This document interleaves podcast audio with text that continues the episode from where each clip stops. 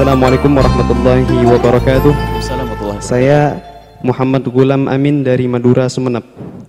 Kami susah mencari imam sholat sunnah terawih yang pelan dan bisa khusyuk.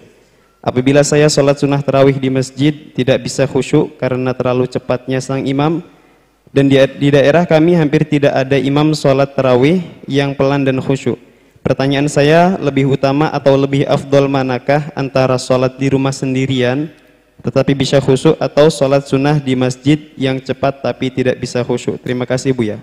Baik, yang pertama yang harus dibahas adalah cepat yang dimaksud itu apakah cepat yang menjadikan salah di dalam bacaan Al-Quran atau Fatihahnya. Kalau hanya cepat saja menurut Anda, karena Anda senang biasa dengan bacaan yang lambat, tartil yang kalau memang cepatnya adalah cepat yang memang merusak, ikhlal, menjadikan bacaan itu rusak, Fatihah enggak karu-karuan, maka bukan sekedar lebih baik sendiri, Anda harus meninggalkan jamaah tersebut. Sebab tambah dosa di dalam sholat Anda. Baik, akan tapi kalau cepatnya adalah cepat ukuran Anda, sebetulnya ya wajar dia membaca Fatihah memenuhi syarat rukun, apa, bacaannya benar, sholatnya terpenuhi syarat rukunnya, rukun-rukunnya juga terpenuhi, maka kemudian menurut Anda itu terlalu cepat, Anda senang, sering senang panjang-panjang, maka nasihat dari kami untuk Anda adalah sholatlah dengan mereka.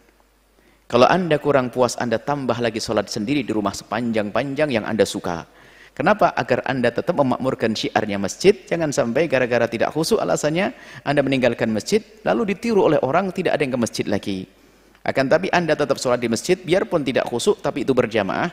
Kalau Anda ingin khusyuk, Anda punya rumah sendiri kunci kamar lalu Anda lanjutkan nanti sholat sebanyak-banyaknya sebab sholat kan tidak ada batasnya. Jadi jangan sampai meninggalkan rombongan kemuliaan. Kenapa? Bisa jadi Anda seorang tokoh yang sangat diikuti. Bisa jadi Anda adalah seorang seorang panutan atau Anda bisa menggerakkan orang. Kalau Anda tidak ada ke situ bubar nanti masjidnya. Kecuali satu hal tadi bahwasanya bacaannya betul-betul rusak. Al-Qur'an yang enggak karu-karuan. Jadi semacam main-main, maka Anda baca meninggalkannya. Selagi tidak, lazimi masjid, kemudian sholatlah bersama mereka. Kemudian kalau Anda kurang puas, Anda bisa sholat sendiri satu rakaat pertama satu juz pun boleh, enggak ada masalah. Itu wallahu a'lam